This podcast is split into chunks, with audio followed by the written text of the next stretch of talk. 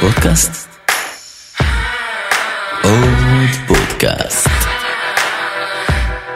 עוד פודקאסט לסטארט-אפים.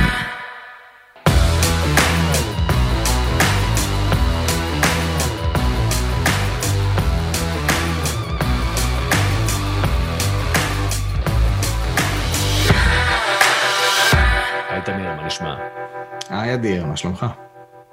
מעולה. אז תגיד, אתה בעצם בכל תקופת הקורונה יצאת לרוץ כל יום? אה, כמעט כל יום, כן.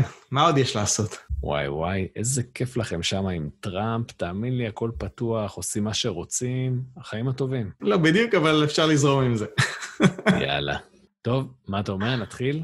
קדימה. אז uh, אתם מאזינים למורידי הגשם, הפודקאסט שמפגיש אתכם בצורה בלתי אמצעית עם מנהלי המכירות המובילים בישראל, אותם rainmakers מאחורי סיפורי ההצלחה הגדולים. בכל פרק אנחנו נביא את הסיפור האישי של כל אחד מהם, סיפורי הקרבות מאחורי המספרים הגדולים של החברות המובילות בישראל, והכי חשוב, כלים וטיפים שתוכלו לממש מחר בבוקר. אז אני אדיר צימרמן, מייסד Rainmakers IL, היוזמה לקידום תחום המכירות בקרב יזמים ואנשי מכירות בישראל, ואיתי נמצא תמיר גוטפריד, סמנכ"ל מכירות גלובלי בכיר ומנכ"ל הפעילות בארצות הברית של חברת ברינג, אותו סטארט-אפ שמציע פלטפורמה לוגיסטיקה לניהול משלוחים ללקוחות קצה. תמיר ישתף אותנו בכמה סיפורים מרתקים, וגם ידבר איתנו על איך להיות פרודוקטיביים במכירות. אז רק לפני שנתחיל, נאמר תודה לכלכליסט על הכותרת, ולאחינו היקרים בעוד פודקאסט. אז תמיר, בוא תספר לנו קצת על עצמך. אה, כן, אז דבר ראשון, אדיר, תודה שהזמנת אותי לפודקאסט שלך. בכיף.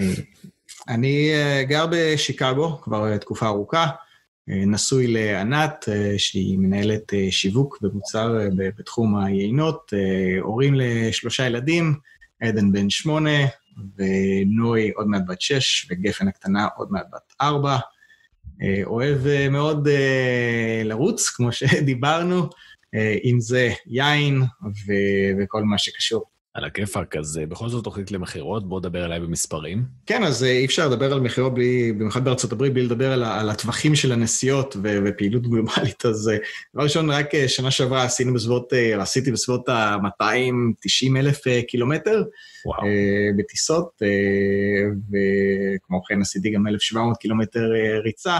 ורק בזכות הקורונה, כמו שאמרת, השנה אני כבר הגעתי לאיזה 1,500 קילומטר אה, ריצה. וואו, ש- וואו, וואו. שהתחלתי, ניהלתי בעצם את עצמי, משם גדלתי לנהל אה, קבוצה של, של 100 אנשים, ותקציבים, אה, בגדול אה, עבדתי בלי שום תקציב, והגעתי גם למצבים שניהלתי קרוב ל-30 מיליון דולר. מרשים. יפה, אז בואו נתחיל לדבר על הקריירה שלך, אבל אולי רגע לפני הקריירה, תן איזה מילה על הילדות שלך, שאמרת שהתחילה בבוגוטה. כן, אה, עבר אה, די מעניין, אז בגיל עשר אה, אבא שלי אה, בא הביתה יום אחד ואמר, אנחנו עוברים למקום שנקרא קולומביה, ויותר ספציפית לבוגוטה, לא היה סיפור אינטרנט. קלאסי שקורה לכולנו. כן, לא היה אינטרנט, פתחנו את האטלס, אם אתה זוכר מה זה אטלס, ומצאנו את הנקודה הכי ירוקה על המפה, ומצאתי את עצמי בבוגוטה, אה, לומד בבית ספר אה, בריטי, אה, צריך להתמודד עם ספרדית ואנגלית, ובעצם שם התחלתי לחוות את, את עולם דרום אמריקה ותרבויות שונות. ואז המצב בדרום אמריקה, בקולומביה ספציפית, הידרדר, כמו שזכור לכולנו, אסקובר פשוט התחיל להשתולל. Uh, זה היה באמצע שנות ה-80, uh, לקראת סוף uh, שנות ה-80, ועברנו לגור במיאמי. ובמיאמי עבדתי שם במכירת מחשבים, בסירס, אם מישהו זוכר את השם סירס, אז עבדתי שם, עבדתי שם במכירת מחשבים, תוך כדי גם התואר הראשון, התחלתי לעסוק במכירת מחשבים שאני בניתי בעצמי, לכל מיני חבר'ה שהכרתי שהפיצו חלקים, התחלתי לבנות את המחשבים ו- ולמכור אותם.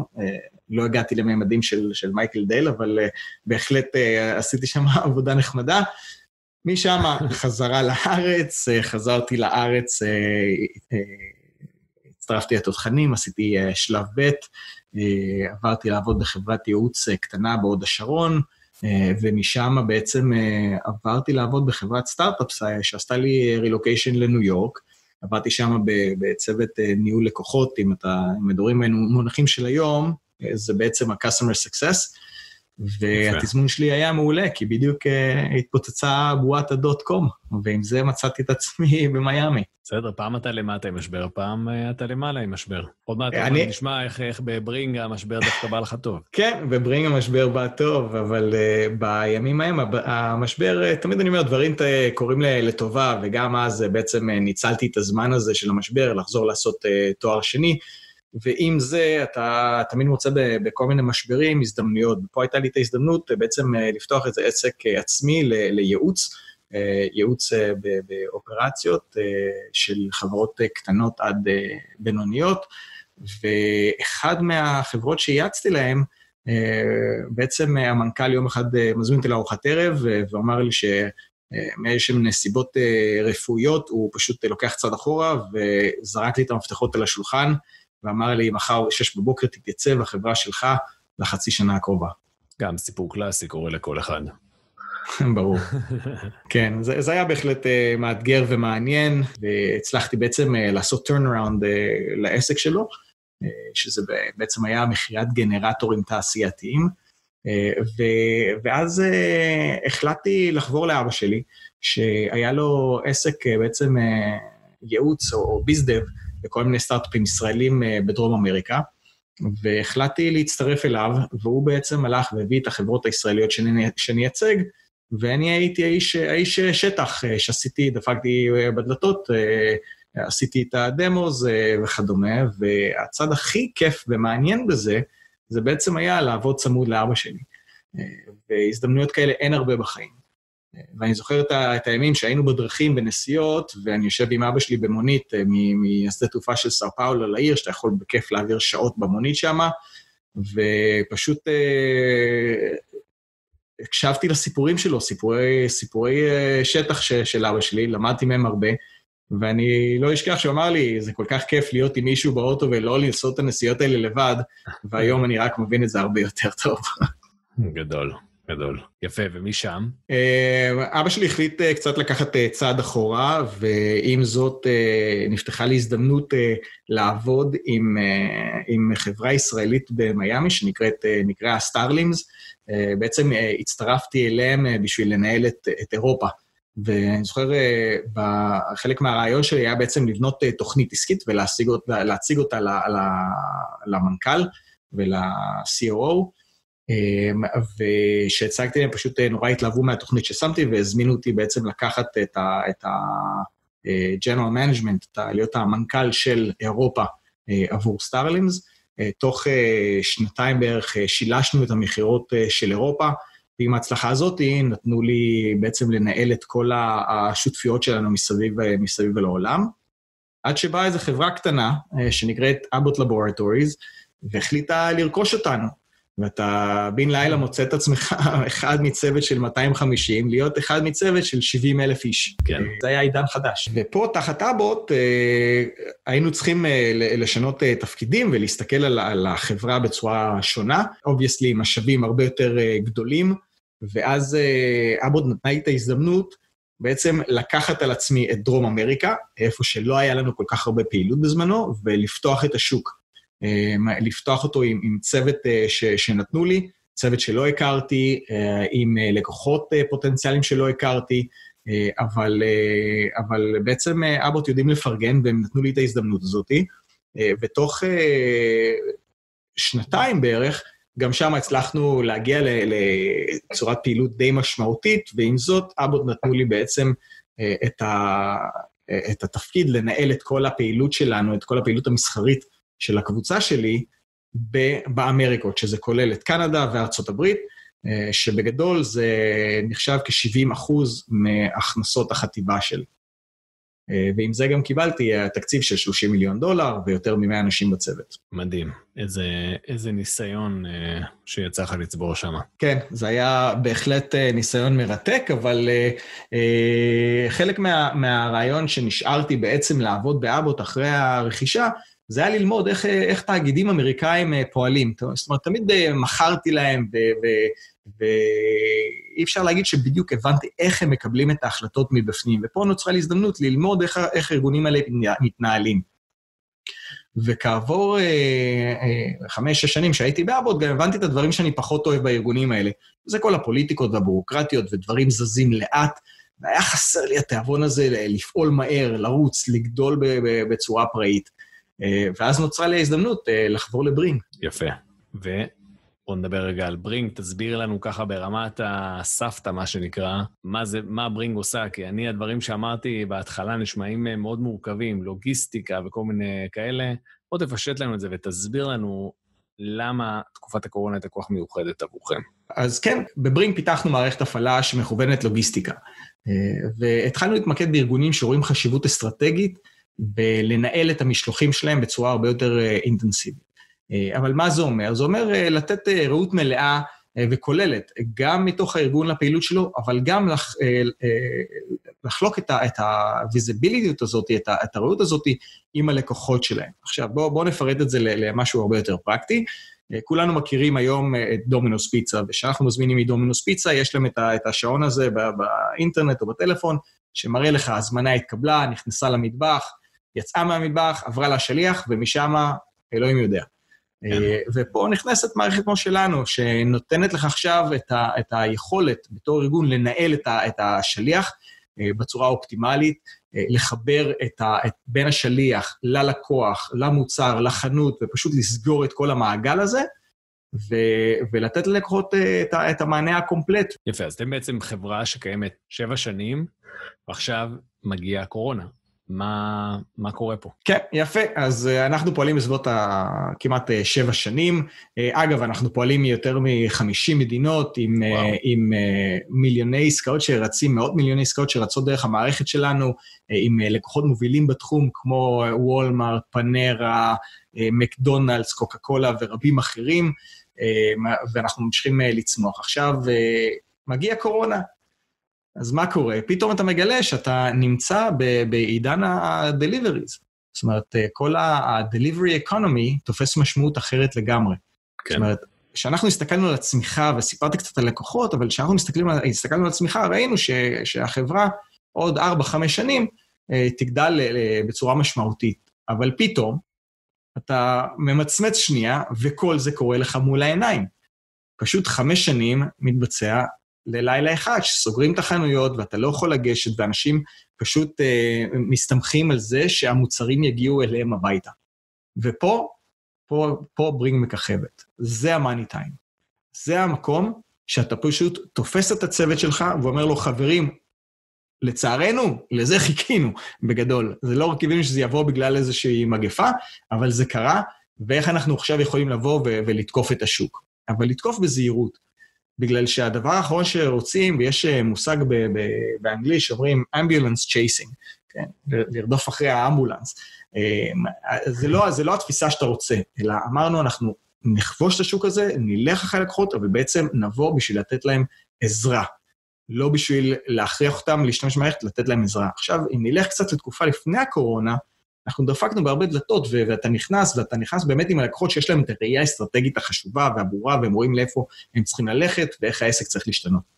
היום, כן. אתה פשוט, כל עסק צריך אותך בשביל להתקיים. אנחנו רואים לקוחות ש, שלא קיבלו את ההחלטה ללכת עם, עם, איזה, עם איזה מערך אה, שליחויות, אה, פשוט מחפשים מה לעשות עם עצמם, והלקוחות שלנו שכן הצטרפו לפני זה, היום רואים צמיחה מטורפת. יש לנו לקוחות בתחום של ה supermarketing, שצמחו ב-800 אחוז בהכנסות מה, מהמסחר האלקטרוני שלהם, לקוחות אחרים מתחום המסעדנות, שפשוט מקודם 40 אחוז מההכנסות שלהם היו בגלל ה-deliveries, המשלוחים, היום זה הפך להיות 100 אחוז מהעסק שלהם. אז בן לילה אתה מוצא את עצמך בעין הסערה, ונותן אה, תשובה לכולם, כל מנכ"ל בעולם פותח את הדלת, ומעבר לזה, אם מקודם הוא פתח את הדלת וישבת מעבר לשולחן שלו ושמרת על איזשהו דיסטנס, היום אתה אצלו בסלון. משתמש בכלים כמו זום, פשוט להיכנס אליו הביתה וליצור איזו אינטימיות שלוקח המון זמן להגיע אליה. מדהים. מדהים. איזה כיף לכם. אז, אז עוד שנייה אנחנו באמת נצלול לנושא המקצועי, ובואו נדבר למה צריך פרודוקטיביות בצד הטוב של הסיפור הזה. זאת אומרת, כשהשוק פתאום גדל לי בטירוף ואני צריך עם אותו צוות לכבוש הרבה יותר מתוך השוק. אה, וגם נדבר על המצב הפחות טוב, מה קורה שהעולם מצטמצם לי ואני צריך לפטר אנשים, ועכשיו עם אותו כוח אדם מצומצם אני צריך אה, עדיין לייצר תוצאות אה, דומות למה שייצרתי לפני זה. אה, בשני המקרים התשובה היא פרודוקטיביות. אז רגע לפני שאנחנו עוברים שם, תן לי ככה בכמה מילים, מה דעתך על מצב ה sales בישראל, דווקא בתור מישהו ישראלי שיושב בארצות הברית?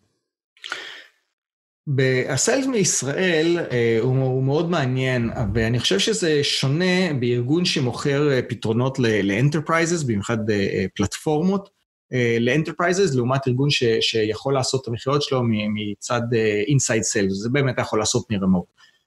התפיסה שלי ומה שאני רואה שקורה בארץ זה, יש חברות שמנסות לעשות את ה enterprise sales מרחוק, וזה גורם לאנשים שלהם להיות המון על הדרכים, זאת אומרת, דרכים במרחקים מישראל לארה"ב, שזה בדרך כלל השוק הכי גדול. אמ, עכשיו, כשאתה מסתכל על זה ככה, לעומת אה, חברה ששמה את האנשי מכירות שלה בשטח, אז יש לה קשיים אחרים, כמו קשיים של תרבות, אה, ואיך ליצור את התרבות הארגונית וכדומה, אבל, אבל אה, מצד שני, אין להם את, ה, את המרחק מהלקוחות שיש לחברות ישראליות שפועלות מישראל. הם לא מרגישים את השטח, הם לא מרגישים את הלקוחות, כמו חברות שפועלות מתוך השטח. טוב, אז בואו נצלול עכשיו ספציפית לנושא שלשמו התכנסנו, פרודקטיביות של אנשי מכירות. אני חושב שהמוטיבציה, ציינו אותה לפני זה, תקופת הקורונה שדורשת מאיתנו להוציא יותר מהאנשים שלנו, אה, וגם מצד שני, אני חושב, אתה יושב שם בארצות הברית, שנחשבת לאחת המדינות המובילות במדד הפרודוקטיביות, מה שנקרא פריון בעבודה, כשישראל היא איפשהו אה, די מזדחלת אה, באזור האמצע, כשמסתכלים על זה במדד העולמי, אזור ה-55-60 אחוז אה, בכל מיני מדדים שיצא לי לראות. אז, אז בואו ככה, בואו ניקח את הנושא הזה של פרודקטיביות ונחלק אותו לשלושה חלקים. אחד, איזשהו רקע כללי על פרודוקטיביות. אחרי זה, אה, נחלק את זה לרמת המיקרו והמקרו. מקרו, מה אנחנו צריכים בשביל שהארגון שלנו יהיה פרודוקטיבי, והמיקרו, מה אנחנו צריכים כדי שהאנשים הספציפיים יהיו פרודוקטיביים. אז אה, בואו תיקח את זה מפה. אה, בכיף. אה, אז פרודוקטיביות, אה, בגדול, אני מסתכל על זה פרודוקטיביות, כמו שאמרת, של הצוות, של החברה, ואז של הבן אדם. אבל הפרודקטיביות של הצוות מורגשת באופן קריטי בארגון קטן יותר. בארגון ש, שכל, שכל חלק סוחב את המשקל שלו. וברגע שאחד מהחלקים לא סוחב את המשקל שלו, זה גובע מחיר גדול מאוד על הארגון. בחברות גדולות אה, זה קל יותר לאדם שלא סוחב את המשקל שלו, שהוא לא כל כך פרודוקטיביטי, ללכת לאיבוד במערכת, אם אין את, ה, את המדדים הנכונים, אה, לשים, לשים את הזרקור בדיוק על הבן אדם שסוחב אותך למטה. אה, וזה בדיוק המקום שבו בברינק שמנו דגש גדול על הפרודוקטיביות של הצוות, לעומת זאתי של הרמה האישית, בגלל שאנחנו כן רואים שיהיו אנשים שיהיו פחות פרודוקטיביים, אבל מה שאנחנו עושים, אנחנו גורמים להם לראות את זה ואיך הם משפיעים על הצוות. ואז באופן טבעי זה גורם להם לא להיות אלה, או לא לרצות להיות אלה שגורמים את הצוות למטה, וביחד כ- כ- כצוות, כחברה, אנחנו דוחפים את כולם אה, לגדול, ועוד פעם, להיות פרודוקטיביים. אחד פשוט דוחף את השני ורוצה לתת את המשקל שלו. יפה. אה, אז, אז אה, עכשיו, כשמסתכלים על זה ככה, אה, אפשר אה, לראות אה, איך מנהל המכירות אה, הופך להיות אה, בגדול מנהל צוות, וברגע שהחברה מתחילה לגדול וצריכה לעשות את המעבר מחברה קטנה לחברה גדולו, אה, גדולה, אה, לעבור לסקייל, האיש מכירות הופך מלהיות מנהל צוות ללהיות סיילס לידר, להיות מוביל מכירות, שזה אומר בעצם לתמרן לא רק את הפעילות של הצוות, אלא לתמרן את הפעילות של הצוות במקביל לצוותים אחרים בארגון ולדאוג לזה שבעצם החברה כחברה מתנהלת בצורה מאוד מאוד פרודוקטיבית.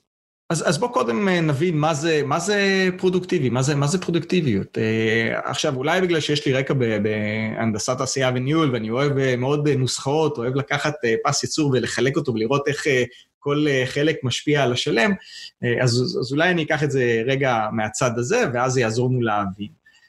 אבל פרודקטיביות או, או תפוקה היא בעצם עשויה מעיקרון של יעילות ואפקטיביות. מה זה בעצם אומר? יעילות היא, היא פעילות, זה נמוך לגבוה, מספר שיחות, פגישות, אה, אימייל וכדומה. אה, וזה בגדול ניהול זמנים. עכשיו, יחסית אה, להתייעל, או, או אפשר להגיד, אה, היעילות אה, יכולה להיות אה, מאוד אה, קל אה, להשפיע עליה, מאוד קל לשנות את המספרים. אבל להיות יעיל ואפקטיבי, כאן זה הטריק. כי אפקטיביות היא בעצם איכות העבודה. וזה דורש יותר מיומנות, זה דורש יותר מסירות לעבודה, זה דורש יותר אה, לעבור אה, הסמכות מסוימות, אה, לקבל ידע מאוד מעמיק במוצר ובשוק, ובאמת כל שיחה שאתה עושה, שיהיה לה משמעות. עכשיו, כשאתה לוקח את הפרודוקטיביות ואת, ה, ואת האפקטיביות, אה, ביחד, המכפלה של השניים, זה התוצר של צוות המכירות. ולא לא להיכנס למתמטיקה יותר מדי, אבל בגדול, אם שיחה אחת יוצרת לך את המכירה, הגעת ל-100% אה, פרודוקטיביות. אם אתה צריך 10 שיחות בשביל לסגור את המכירה, אתה רק 10% אה, פרודוקטיבי, זאת אומרת, אחד 100%, אחד 10%. עכשיו, אה, ברור שיכול להסתבך יותר כשאתה מכניס pipeline וקוורטות וכל הדברים האלה, אבל בגדול, בלי, בלי להסתכל על שני הגורמים האלה של פרודוקטיביות ואפקטיביות, קשה מאוד להגיע להשיג אה, פרודוקטיביות אה, גבוה. מעולה. עשית לנו סדר בדברים, עכשיו בואו נדבר על איך אפשר להפוך ארגון להיות פרודוקטיבי. אז יפה, בשביל להסתכל על, על ארגון, בשביל לבנות ארגון פרודוקטיבי, צריכים להת, להתרכז לאו דווקא רק בארגון מכורות, אלא כל מה שסובב אותו. ו- ומהניסיון שלי, כל מה שסובב אותו, הדבר הכי חשוב זה שכולם יהיו מכוונים אותה מטרה, והם יהיו פוקוס מלא על המטרה. עכשיו, בואו לא נדבל, כן? לכל ארגון אה, המטרה תהיה שונה, תלוי בסוג לקוחות שאתה הולך עליהם, אם זה enterprise או SMB, אה, אם, אה, אם יש לך כיסוי גיאוגרפי מלא או לא, אז, אז יש כל מיני דברים שישפיעו על, על, ה, על האסטרטגיות ועל הפוקוס. אבל, אבל בגדול, פוקוס, מיקוד, זה הנקודה שמאוד מאוד חשובה בכל מה שעושים בנוגע לפרודוקטיביות. עכשיו, אה, חלק מה, מהקשה ביותר זה בעצם לגרום לכל הארגון לעמוד בזה. זה קשה לכוון את האנשים שיאמינו בזה שוואלה, המכירות צריכים להתרכז רק בסוג לקוחות ספציפי, או רק בשוק מסוים. אה, כי, כי התפיסה הרגילה של, של חברות זה לבוא ולתקוף את כל השוק בבת אחת. אבל כשאתה כן. עושה את זה, אתה בעצם מטלטל את המערכת ולא נותן לאנשים להתרכז, וזה שהם לא מתרכזים, הם לא יכולים גם להתמחות במה שהם עושים. אה, ואז אתה בעצם יוצר יותר כאבים אה, מאשר פתרונות. עכשיו, איך אתה עושה את זה? נגיד, אז... רק ש... נגיד רק שיש לנו פרק שלם שעשינו עם ערן וסטמן, רק על הנושא הזה של למה כדאי לייצר פוקוס, זה הפרק שפתח את, ה... את העונה הזאת, אז אם לא שמעתם, אני ממליץ לחזור ולשמוע שיחה שלמה שמדברת על כל המקומות שבהם אנחנו חוטאים והולכים לדיפוקוס ולא לפוקוס, וככה, תמיר, נגעת בזה ממש בנגיעה קטנה, אבל זה ממש בלב-ליבה של כל, כל חברה, הבעיה הזאת. אז יאללה, בואו נמשיך. מעולה. אמ, כן, אז, אז עכשיו אה, בפוקוס זה, כשמסתכלים על הצד של המכירות, אה, חשוב מאוד לשמור על, על ה pipeline, כן, על, על הצינור אה, הזדמנויות, גם כן בצורה מאוד מבוקרת, בשביל שהצוות ידע על מה להתפקס. עכשיו, מה זה אומר?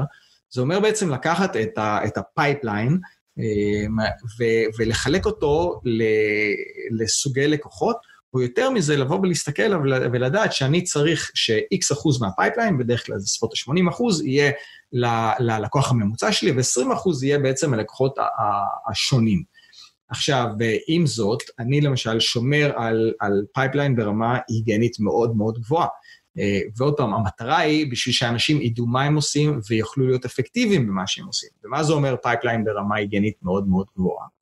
זה אומר בעצם ש, שאיש מכירות מביא לי הזדמנות, הוא צריך לענות על אחד משלוש שאלות, אחד, אחד משלושה שאלות, אה, וזה בעצם אה, למה הארגון צריך לעשות משהו, למה הוא צריך לעשות משהו עכשיו, ולמה דווקא את ברינג. ואם הוא יודע לענות על השאלות האלה, אז אני יודע שיהיה ממש מפוקס ויהיה ממש פרודוקטיבי בגישה שלו לאותו לקוח. אה, ועם זה אנחנו רואים שיעור הצלחות של, של כמעט 30 אחוז בסגירת מכירות אצלנו בארגון היום.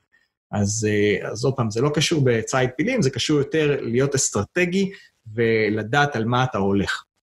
obviously, ככל שהחברה צומחת, אה, הדברים משתנים ומשתנים בצורה משמעותית, ואם אתה רוצה לבנות scale, אז אה, חשוב מאוד לעשות את זה באופן הרבה יותר אסטרטגי, אבל פה גם האנשים שלך משתנים. האיש מכירות שהבאת אולי בהתחלה, שאתה סטארט-אפ, הוא צריך להיות איש שיודע לעשות, שיש לו הרבה תכונות, יודע לעשות מהכל, מבין טכנולוגיה מאוד טוב, יכול לעשות את, ה, את ה demos, את ההדגמות של עצמו, יכול לעשות את ה-pipe generation, כן, למצוא את ההזדמנויות בעצמו וכן הלאה וכן הלאה, אפילו להמציא חומר שיווקי אם הוא צריך. ככל שארגון גדל ונעשה scalable, זה כבר נעשה יותר קשה. ואז אתה צריך בעצם להרכיב את, את הארגון, את הקבוצות שיתמכו באותו איש מכירות, שיתמכו בתור, בתוך המערך המכירות. וזה כולל אה, קבוצות שעכשיו ייקחו את הדמו ולא ייתנו לאיש מכירות להתרכז בדמו, אלא יהיה צוות של pre-sales, שהוא בעצם יבוא וזה וייתן את ההדגמה היותר אה, טכנית. אה, לקחת אולי לפלג את הלקוחות מלקוחות שחדשים ללקוחות קיימים, ולהעביר את הפעילות מהלקוחות הקיימים לאנשים אחרים, שהייעוד שלהם בארגון זה לטפל בלקוחות האלה. אה, ואם זה Customer Success עושה את זה, או Account Management, או מי שלא יהיה, אבל זה פשוט לעשות את זה. אבל ככל שבונים כן. את הארגון הזה, זה עוד פעם נותן אה, לצוות מכירות להתרכז במה שהוא עושה הכי טוב, להעלות את הפרודוקטיביות שמה, אבל חשוב לעשות את זה ביחס אה, מאוד מאוד קרוב עם, עם סמנכ"ל הכספים, אה, בגלל שמן הסתם זה גובע אה, הרבה מהארגון, הרבה השקעה מהארגון, ואז היחסים בין SDRים לאיש מכירות מאוד חשוב. SDR, רק נציין, זה מי שבעצם עושה את ה... reach out לאנשים, שמנסה למצוא את הלקוחות ולארגן את הפגישות איתם. נכון מאוד. ו-AEs, אנשי ה-account executive, זה אנשי המכירות בעצם של הארגון שלך. נכון מאוד, נכון מאוד. אז ה-SDR או BDR, יש להם כל מיני מונחות, Business Development Reps, Sales Development Reps, זה יכול להיות כל מיני מונחים. המטרה שלהם זה בעצם להיות אה, אולי חלק מה top funnel, או לחבר איפשהו בין ה top funnel ל middle funnel, ולחדור למגע הראשון עם הלקוח, לפתוח את הדלת, לפתוח את העניין. עכשיו, כשאני אדבר עוד, עוד שנייה על המיקרו, אנחנו נראה איפה גם פה אני קצת אה, מחלק את זה בשביל עוד פעם להרים, להעלות את הרמת אה, פרודוקטיביות של הבן אדם.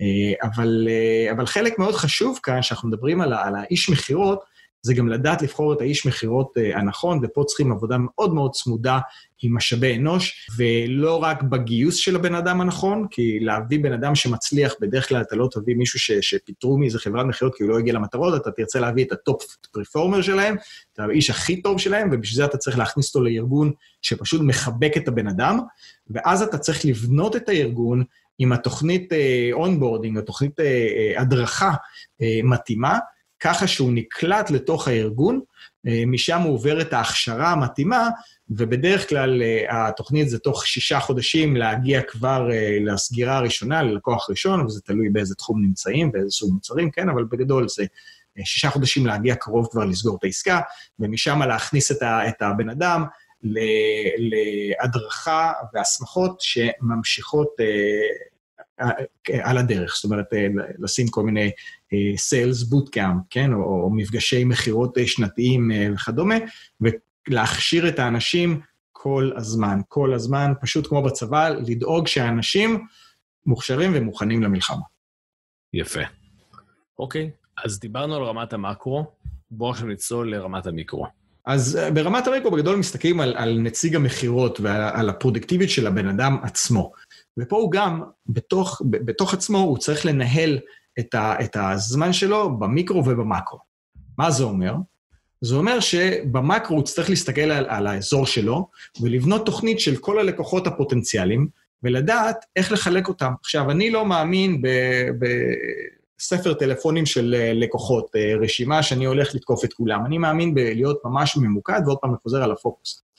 וברגע שאתה עושה את זה, אתה בונה את התוכנית ואתה לוקח את, ה, את ה pipeline הזה שיש לך, את, ה, את הרשימת לקוחות שצמצמת, אה, אצלי בצוות זה בסביבות ה-50 לקוחות לבן אדם, בין 40 ל-50 לקוחות לבן אדם, ו, ואז אתה מחלק את זה לשלושה קטגוריות. שמה זה אומר? קטגוריה אחת זה הלקוחות שאתה בתור איש מכירות, הולך לבנות את כל התוכנית, הולך לעשות את כל המחקר, הולך לתקוף אותם top down. זאת אומרת, הולך להתחיל עם הנהלה הבכירה, ומשם להתחיל לרדת למטה. אז בדרך כלל העסקאות היותר משמעותיות, העסקאות שאתה סוגר, וזה כנראה יביא עוד הרבה יותר פירות uh, בשנים שהם uh, מצטרפים לחברה וממשיכים לעבוד איתך. אז, אז אלה עסקאות מאוד מאוד אסטרטגיות. בדרך כלל, uh, האיש מכירות משקיע כ-50% מהזמן שלו בעסקאות, ב- בלקוחות האלה. הקטגוריה השנייה של הלקוחות היא בעצם הלקוחות שהאיש מכירות יעבוד יד ביד עם מה שאמרנו, ה-SDR, ושם הם יבנו תוכנית משותפת ויתקפו אותה ביחד. שפה האיש מכירות הוא בעצם מנהל את הפעילות של ה-SDR, וקובעים ביחד מתי לגשת, לאיזה לקוחות לגשת, ולעבוד במשותף, בשביל ליצור את, ה- את המגע הראשוני ומשם לגלגל את זה הלאה. והקבוצה השלישית היא בעצם הקבוצה שהאיש מכירות אה, מחליט ביחד עם ה top funnel, מחליטים את מי לתקוף ואיפה לנסות אה, ליצור את ההזדמנויות או ליצור את המגע מה, מהפעילות שעושים ב top funnel, זאת אומרת, מה marketing וגם SDR ים, ופה בעצם האיש מכירות הופך להיות יותר כיועץ לצוות על זה. עכשיו, בשני הקטגוריות הש... השניות, אז האיש מכירות משקיע כ-30% מהזמן שלו בקטגוריה השנייה, ובשלישית כ-20% מהזמן שלו. תשמע, אתם ממש, אני חושב שאפשר לשמוע איך לקחת את הנושא הזה ממש לרמה של משחק. אתה מנהל את זה כמו שמנהלים משחק בספורט, כמו, נשמע כמו מאמן לכל דבר בתוך העולם הזה. אני חושב שזה משהו שהוא מאוד מאפיין את, ה, את תרבות המכירות האמריקאית בהקשר הזה. לגמרי, לגמרי. התרבות המכירות האמריקאית היא הרבה יותר בצורת קואוץ' ולהסתכל על המספרים ולעזור לאנשים. אגב, אנחנו מודדים את האנשים שלנו לא בשביל למדוד אותם בתור בוא נגיד הפרודוקטיביות, כן? אבל אנחנו מסתכלים על המדדים של הפרודוקטיביות, לראות איפה בן אדם צריך את העזרה, ופה המנהלים שעובדים בצוות, בקבוצה שלי, לוקחים כל צוות ובעצם רואים איפה כל בן אדם בצוות צריך את העזרה, ושם הם נכנסים לעזור לו, שם הם, הם פשוט מצטרפים אליו ונותנים לו את הידע שהוא זקוק לו. עכשיו, אנחנו עושים את זה בגלל שאנחנו בעצם לקחנו, דיברנו קודם על, על המקרו של האיש מכירות, עכשיו בתוכנית המיקרו שלו הוא נכנס ממש לכל הזדמנות, ושם אנחנו משתמשים ב, ב, בכל מיני מתודולוגיות ו, ו, ותהליכים במכירות, כמו תהליכים שאנחנו מכירים של מדיק, כן, ושזה בעצם מפרק את המכירה לאיזה אנשים אתה צריך לגשת אליהם, ועם, ואיך לזהות אם מישהו בעצם עוזר לך בארגון או, או לא, ויש כל מיני מתודולוגיות כאלה. אנחנו הבאנו גם מאמנים שיעזרו, או יותר כמו פסיכולוגים שיושבים עם האנשי מכירות ועוזרים להם לפרק את העסקאות בצד, מצורה מאוד אובייקטיבית, ו- ולהסתכל על, על, על הדו-שיח עם הלקוח, ובעצם לנהל את הדו-שיח, ולא לתת ללקוח לנהל אותך. זה פשוט ככה, זה פשוט לבוא ו- ולנהל את המכירה, כי בהרבה מקרים אנחנו רואים אנשים פחות פרודוקטיביים נותנים למכירה לנהל אותם. זאת אומרת, התהליך מנהל את האיש מכירות, במקום שהאיש מכירות ינהל את התהליך, ושם מתבזבז המון זמן. כן. וכמו שאמרתי מקודם, חלק גדול מה, מהנוסחה הזאת זה ניהול זמנים, ופה חשוב מאוד שהאיש מכירות ידע איך לנהל את הזמן שלו בצורה הכי פרודוקטיבית, ואז הוא יביא להצלחות הרבה יותר גבוהות. טוב, לא תאמין, אבל uh, זמננו תם, אז uh, ככה רק נסכם את הנקודות החשובות שדיברנו עליהן. דיברנו בגדול על הנושא של פרודוקטיביות, ככה הנחנו את הרקע uh, לעבודה הזאתי.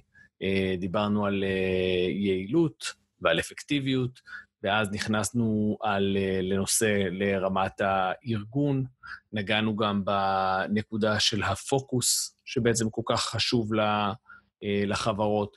אחרי זה דיברנו על רמת המיקרו, איך אנחנו נהיים אנשים יותר פרודוקטיביים. ממש נתת את הנוסחה שלך לאיך אנחנו מחלקים את הזמן הנכון בין הנציגים, איך עובדים נכון בין נציגי המכירות, ובכלל איך היום משלבים את כל העולם הזה של הקואוצ'ינג לתוך עולם המכירות, איך אנחנו מאמנים את כולם בצורה הנכונה, ובעצם סיכמנו בזה. אז עכשיו זה הרגע שלך, לתת בעשר שניות את המסר שלך לאומה. בתחום ה sales? אני רואה sales בתור תהליך ארוך. מכירה היא לא מתחילה מהיום למחר, במיוחד לא ב enterprise sales. וכשאני מסתכל על זה, מסתכל על זה כמו ריצה למרחקים ארוכים. זה בגדול ניהול משברים, וכל הזמן יקרו דברים באמצע. פשוט צריכים לדעת איך לקחת את הדברים האלה ולזכור את המטרה. ולזכור לאיפה אתה רוצה להגיע ואיך אתה, ואיך אתה תגיע לשם, ולהשתנות עם הדרך. אבל בגדול, מה שנותן לך לעשות זה, זה פוקוס על המטרה, לדאוג להיות כמה שיותר יעיל בשביל להגיע לשם, בגלל שמי שיודע, מי שמכיר מרח... ריצות למרחקות ארוכים, אז יודע שהוא צריך לנהל את התזונה, את הזמן, את השינה ואת כל מה שבא באמצע, ו... ולכן זה מאוד מאוד דומה במכירות, אז אני מאוד מאמין בלמדוד, להיות עם יד על הדופק, ולהבין לאיפה אתה רוצה להגיע, ואיך אתה רוצה להגיע לשם. טוב, אז אני הייתי אדיר צימרמן. ותודה לתמיר גודפריד על שיחה פרודוקטיבית, אפקטיבית, אה, מועילה, יעילה, איך שלא נהפוך את זה. אה, תמיר, אני שמח גם שהצלחנו בסוף להסתדר גם, גם עם, עם עברית. אני תמיד יודע שלכל מיני מובילי מכירות, השפת, השפת הבסיס היא אנגלית, ובטח ובטח במקצוע שלנו, אז זה שהצלחנו לעשות את זה גם כן מלא, מלא הערכה בהקשר הזה. אז באותה הזדמנות נזכיר שמעבר לפודקאסט יש לנו קבוצת מיטאפ שמקיימת מפגשים וסדנאות, וכדי ללמוד על הפעילות של הקבוצה אתם פשוט יכולים לחפש את rainmakers.il באתר meetup.com. מעבר לכך, יש לנו קהילה מאוד פעילה בפייסבוק, שמורכבת מאנשי מכירות ויזמים ועוסקת בנושא המכירות. אתם מוזמנים לחפש גם אותם בפייסבוק, נקראת Super Sellers. אז אה, תמיר, המון המון תודה, היה על הכיפאק. אדיר, תודה לך, זה עבר מהר. לגמרי. יאללה, נשתמע. ביי. ביי.